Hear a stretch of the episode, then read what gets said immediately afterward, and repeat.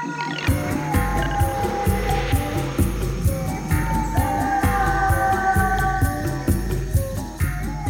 til Regnskogpodden Aktuelt. En podkastserie hvor vi kobler miljøsaken opp mot verdens beste klimaløsning, nemlig bevaring av jordens gjenværende tropiske regnskoger. Hit inviterer vi aktuelle gjester for å snakke om hvordan natur og regnskog påvirker alt liv på jorda. Jeg heter Silje Vemøy, er journalist, og i denne episoden skal vi snakke om konsekvensene av kommunevalget som nettopp ble holdt her i landet. Det blåser en blå vind over Norge, og vi spør hva det betyr for de globale klimamålene. Klarer Norge og verden å nå målet på 1,5 grad innen 2030 om vi fører en politikk som folk har valgt frem nå? For å hjelpe oss med å svare på det, så har vi med oss klimaguru og tidligere FN-direktør Svein Tveital på Teams. Hei, Svein! Hei, hei. Velkommen. Takk, takk. Vi har også med oss eh, Gina Gylver. Du er leder i Natur og Ungdom, og du er med her i studio. Velkommen til deg. Takk for det. Jeg har et innledende spørsmål til dere begge to. Ja. Hva betyr det at vi har så mange politikere som styrer i Norge og resten av verden, som ikke ser ut til å ville gjøre det som skal til for å stanse naturkrisa? Det er jo helt opplagt at dersom vi skal klare klimamål, og dersom vi skal klare naturmål Nå var det jo et eh, kommunevalg, så er det jo viktig og helt nødvendig at det skjer noe på kommunenivå.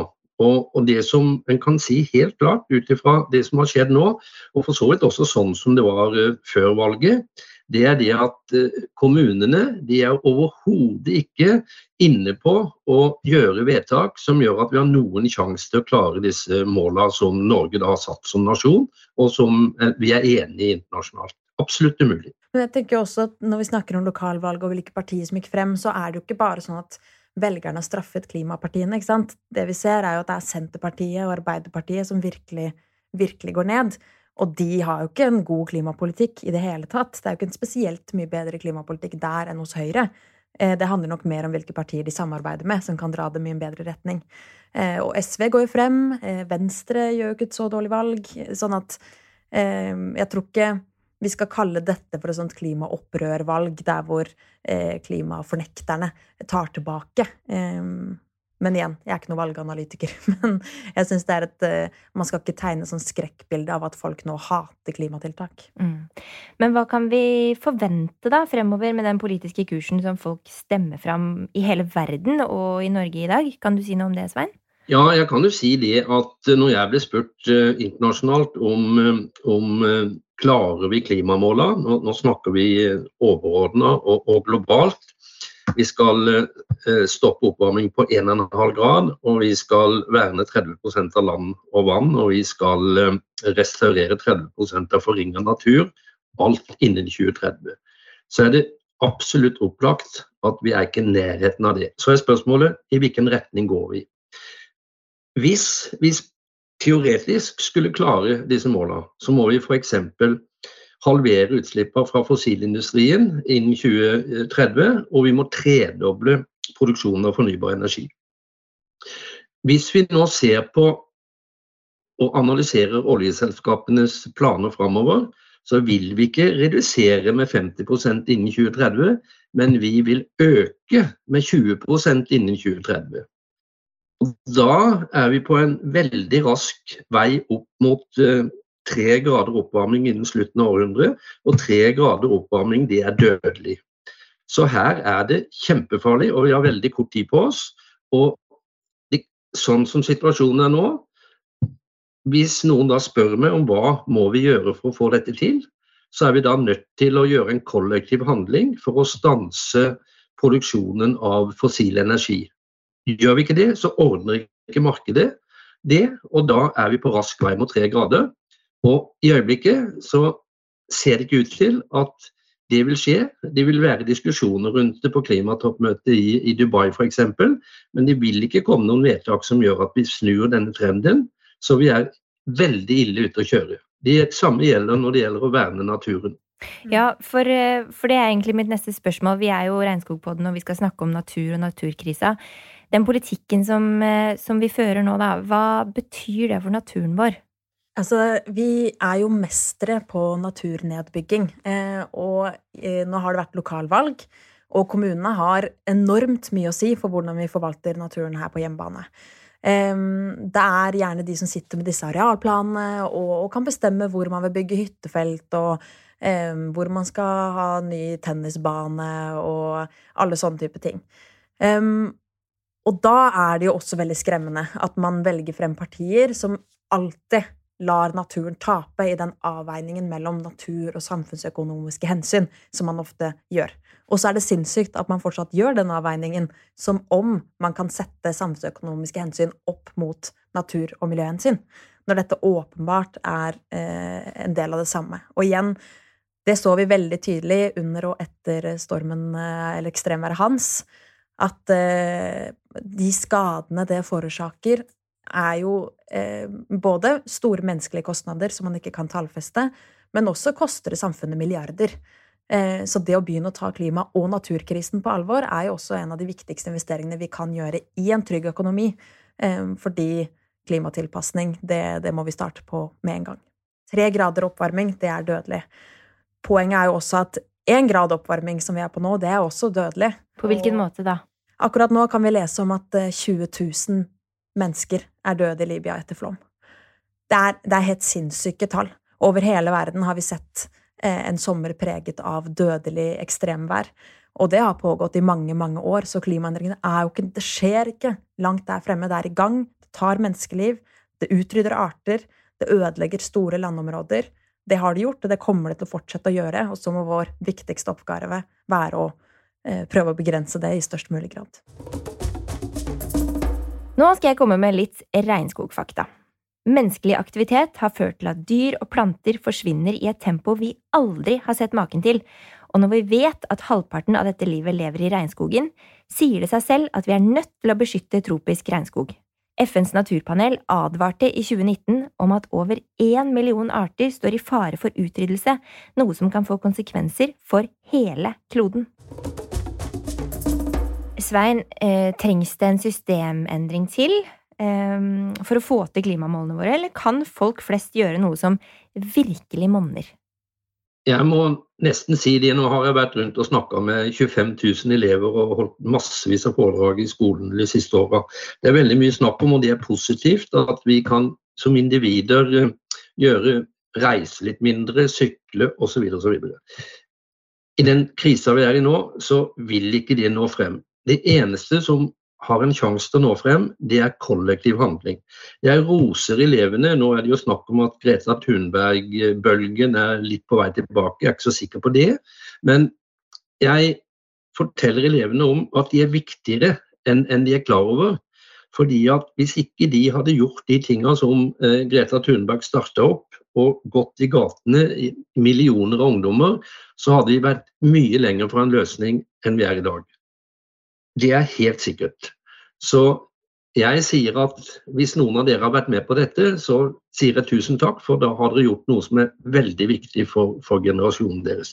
Men poenget er at det vi trenger, det er rett og slett kollektiv handling. Og, og det er jo eh, du i Natur og Ungdom inne på. Eh, helt riktig å snakke med organisasjonene osv. Og, og fokusere på det. Men, men, er det noe som da vi som privatpersoner kan påvirke dette her? Ja, Det jeg pleier å si, f.eks. Jeg var med i, i, holdt på med noe som heter Klimavalg 2013.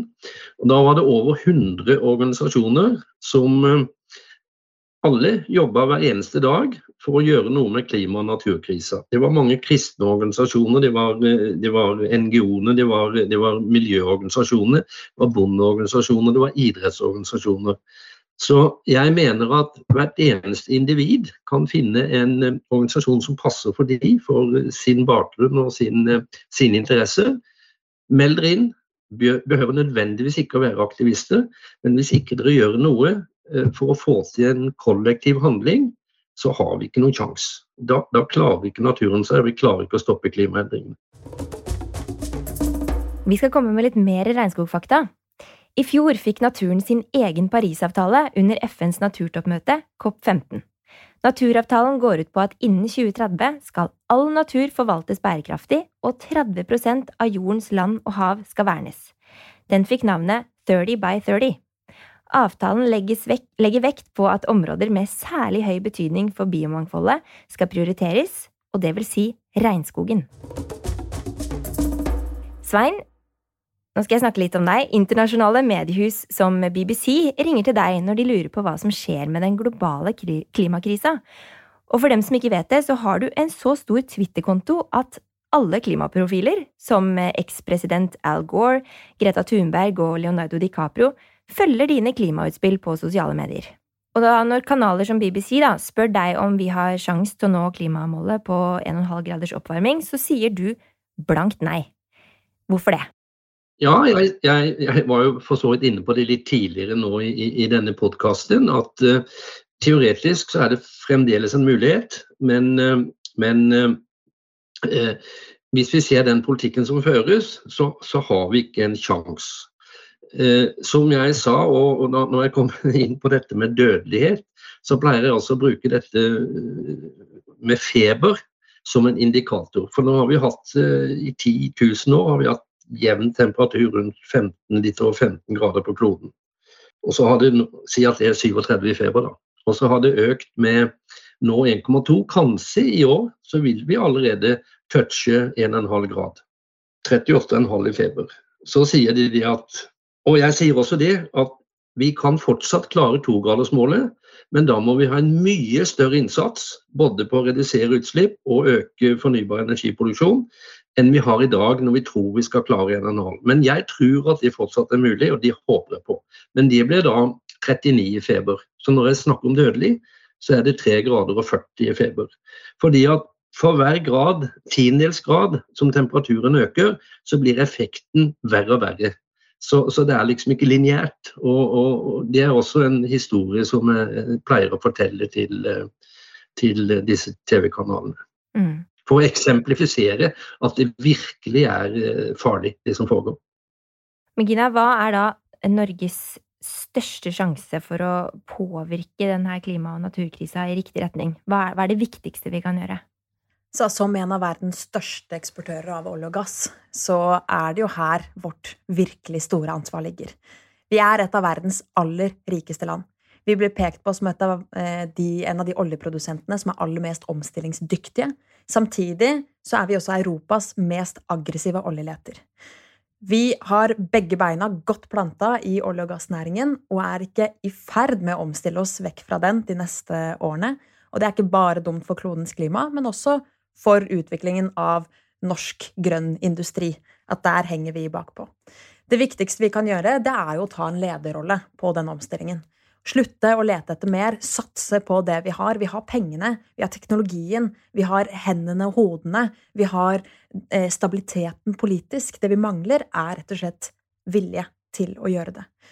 Og både vil det ha en effekt på klimaet globalt at eh, en av de største oljeeksportørene faktisk slutter, men eh, det handler også om å ta ledelse og vise at det går an. Fordi alle oljeprodusenter har lyst til å bli verdens siste. Vi sier at vi har så grønn olje og er demokratisk olje, men Saudi-Arabia har ikke lyst til å strupe sin egen oljeproduksjon, de heller. Noen må gå først. Og hvis det ikke skal være Norge, hvem i all verden tror vi skal gjøre det frivillig sjøl? Så det er den største jobben vi har som land, rett og slett. Og det handler også om at de som nå jobber i olja, skal, eh, eller skal inn i olja, eller barn og barnebarn skal ha en forutsigbarhet i mange tiår fremover, fordi verden endrer seg, og på et tidspunkt skal det ikke være plass til norsk olje og gass uansett. Altså, jeg, jeg, støtter de fullt ut. Og, og, det som vi kommer til å se nå f.eks. I, eh, i Dubai, er at det vil være et initiativ på å fase ut eh, kull, olje og, og, gass. Og til og med Norge støtta på en måte å få det inn i forhandlingene i fjor. Men det er sånn at vi har jo vår story på at uh, verden må redusere disse utslippene, men ikke i min bakgård. Og så tror det norske folket at det er så veldig spesielt det vi holder på med her. Men alle de andre oljeproduserende landene som har store oljeselskaper, de har sin egen historie på hvorfor akkurat de skal fortsette. Så som jeg sa tidligere, så blir summen av det at innen 2030 så kommer vi faktisk til å øke utslippene fra fossil energi med 20% Og da er vi på vei mot, mot, mot tre grader. Norge, som har tillit til FN-systemet, og som liker å si de riktige tinga. Det hadde vært kjempeviktig hvis det aller viktigste de kan gjøre, det er å sette en stopp for oljeproduksjon f.eks. i 2050, sånn som Danmark har gjort, og, og, lage en plan for utfasing. Og Dette vil jo være 100% i overensstemmelse med FN, med, med, med, med forskning osv. Og, og for å ta naturen, så er det altså sånn at 30-30, sier du, 2030 Eh, det er altså sånn at Vi har verna 17 av eh, landområdene, og det er veldig mye høyt til fjells. Og så har vi bare verna 3 av, eh, av sjøen. Og vi har restaurert veldig lite av forringa natur. Sånn at her har vi gode muligheter til å, å, å gjøre dette. F.eks. så er det ganske mye frivillig skogvern, der grunneierne vil, vil, verne. og Så er det noen regler for det, og så sier de at det har vi ikke råd til. Så vi har så store muligheter til å, å, komme frampå her og gjøre de riktige tinga. Og så ser det ut som at den politikken som kjøres nå, den går helt i feil retning. Mm. Og jeg må bare legge til på dette med naturen vår til havs, og hva Norge må gjøre Eh, i tiden som kommer. Fordi eh, ikke bare er vi på en måte et land som kjører på måleproduksjon, som tillater gruveselskap å dumpe avfallet sitt i rene norske fjorder, men regjeringen ønsker nå å åpne for gruvedrift på havbunnen. Og det er nesten ingen andre land i verden som lobber for å åpne for denne sinnssykt ødeleggende industrien i dyphavene på mange tusen meters dyp, der vi aldri før har vært, aldri har hatt noe industri. Det finnes ikke kommersielt i verden i dag noe sted. Vi vet ingenting om dyphavene. Det vi vet, er at det sannsynligvis var her livet oppsto på kloden. At det helt unike økosystemer. At vi vet mindre om dyphavene enn om månens overflate. Og likevel ønsker man da å starte en massiv gruveindustri på bunnen. Og Stortinget skal behandle regjeringens stortingsmelding i månedene som kommer. Og da er det så sinnssykt viktig at man eh, tråkker på bremsen. At man går sammen med land som Tyskland, Finland, Danmark, Frankrike, Canada og mange andre av de vi liker å sammenligne oss med, og sier stopp. At det her går ikke. Og jeg syns det er sykt at vi ser på Norge som en sånn grønn havnasjon, et fyrtårn i verden, samtidig som vi da har denne historien både på olje, på gruvedrift på havbunnen, menneskerettighetsbrudd på Fosen. Det er ganske mye eh, man kan skamme seg over, og som Norge har å jobbe med. Ja, det, det, er helt utrolig og flaut at vi gjør disse tingene. Og hvis vi nå kommer tilbake til hvordan skal dette løses, så blir det ikke løst på noen annen måte enn at vi rett og slett må få til en kollektiv handling som gjør at vi får inn politikere, i hvert fall nasjonalt, som stopper disse tingene.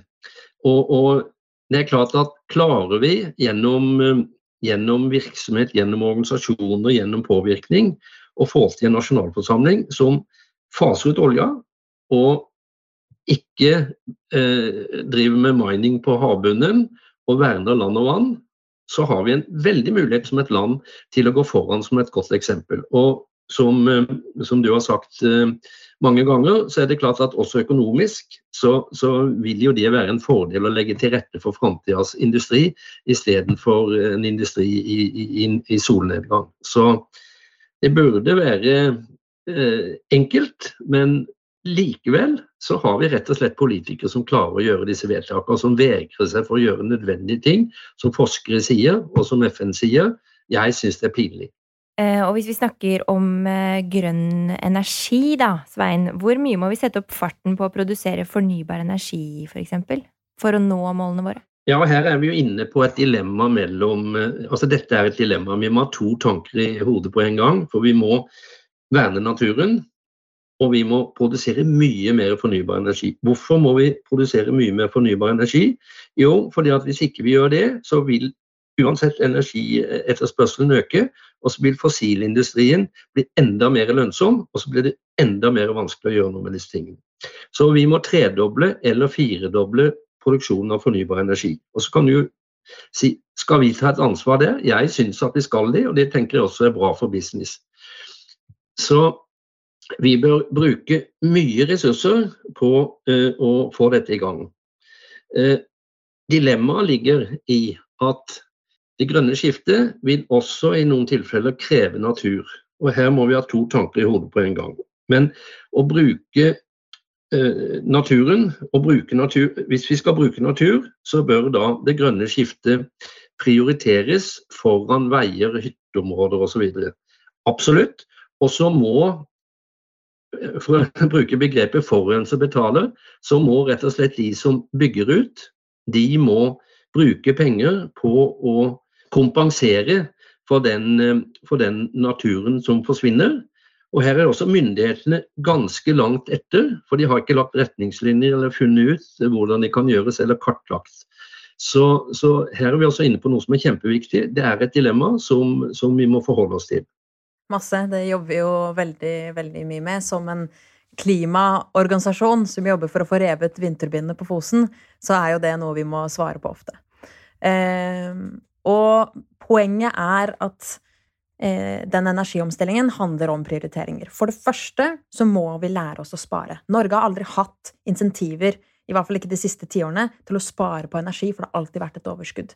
Og det gjør at vi sløser uendelig mye mer enn bare våre nærmeste naboland.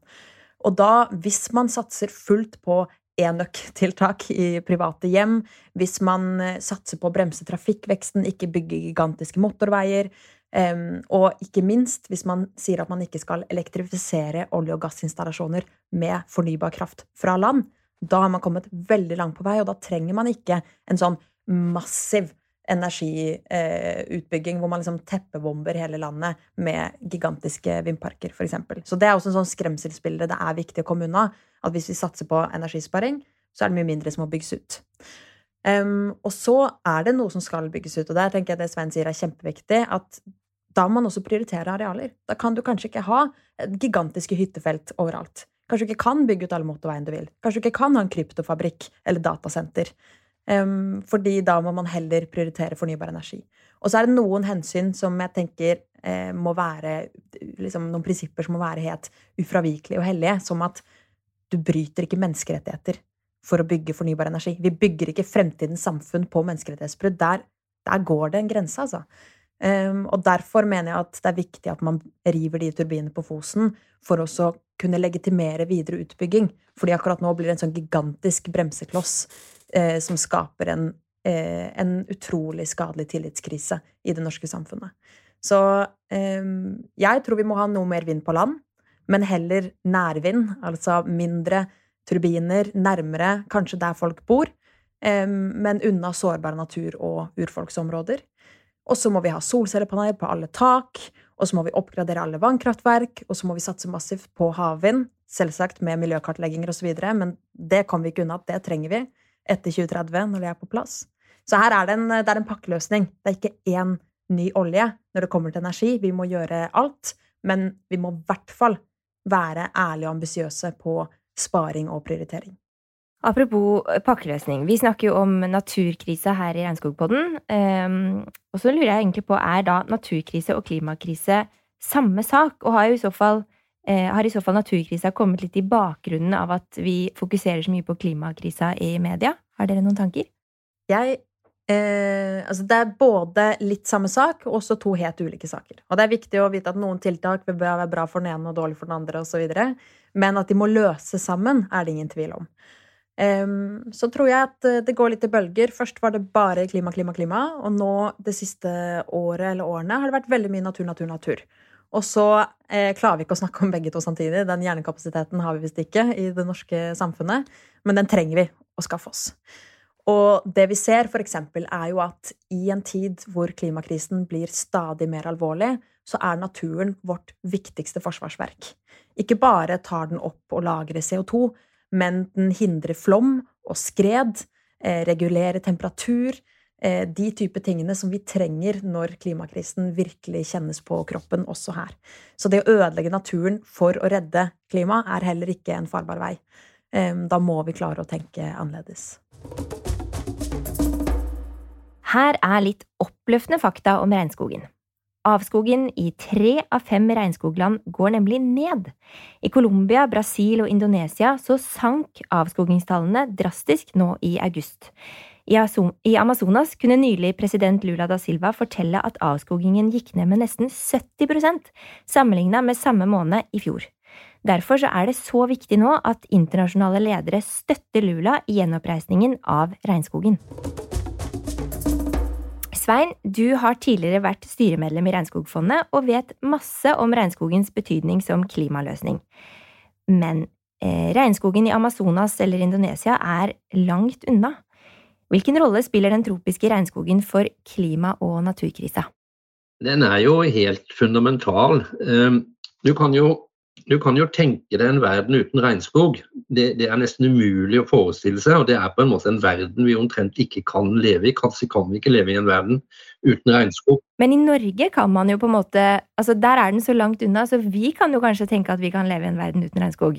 Men det kan vi ikke.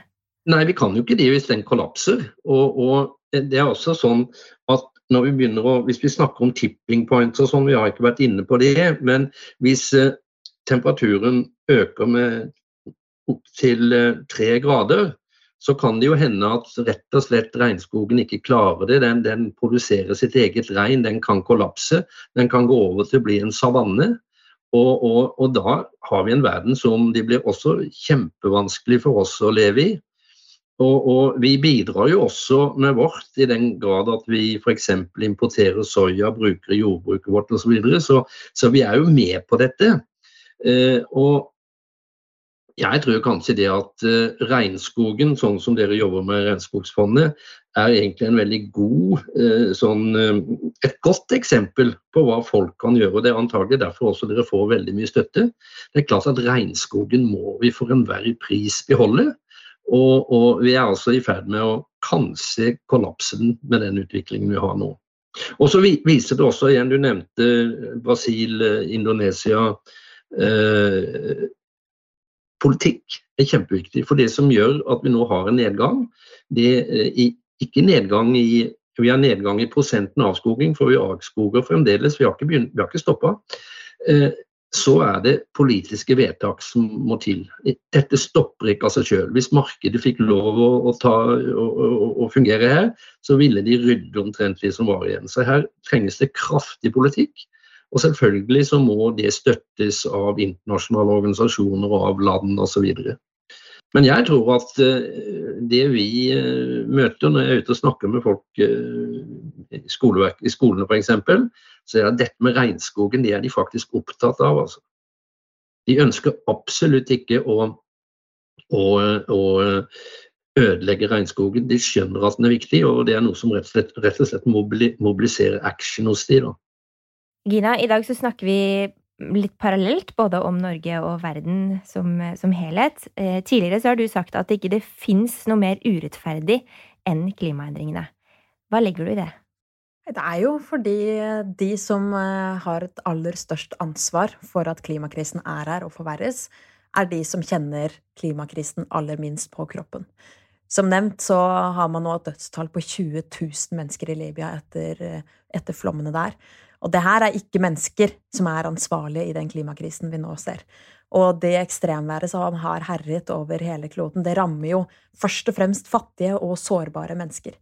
Um, og det er jo et ansvar jeg syns alle i Norge bør kjenne litt på. Det betyr ikke at du skal la deg knuse av skyld og skamfølelse, men det betyr faktisk at du bør ta noen grep i eget liv, at du bør tenke på det når du stemmer, at du bør melde deg inn i en organisasjon, at du bør være litt aktivistisk, fordi eh, våre handlinger og våre liv raserer andres liv.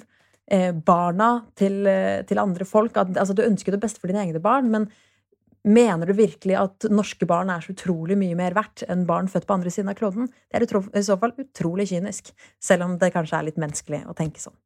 Så jeg, eh, jeg håper jo at, eh, at, flere i Norge skal kjenne litt på det personlige ansvaret vi har, rett og slett fordi vi er så privilegerte. Og det at vi har mulighet til å gjøre en forskjell, det gjør også at vi har ansvaret for å ta de, ta de valgene. Neste år så skal klimamøtet være i, eh, i, Brasil. Og det tror jeg kan bli en sånn skikkelig sånn uh, trøkk altså, på, på, å få uh, fart på disse tingene vi har diskutert i dag. Både når det gjelder regnskog og når det gjelder klima. Det, det, det tror jeg kan bli en, en, en, en fin en fin klimatoppmøte. Men så tror jeg også at, eller bare til det, at det er, det er så viktig når man snakker om klima- og naturkrisen, for ikke grave seg helt ned. det å huske at det er ikke noe eh, vinn eller tap. Det er ikke så enkelt. Fordi det er ikke sånn at Hvis vi ikke når 1,5-gradersmålet, er det bare å legge seg ned og gi opp. For det vil fortsatt være uendelig mange skjebner og mm. arter og områder å redde. Og det er aldri sånn at det er greit å slutte å kjempe fordi nå har vi tapt. Men det er alltid flere folk og arter som man kan, eh, som man kan verne om.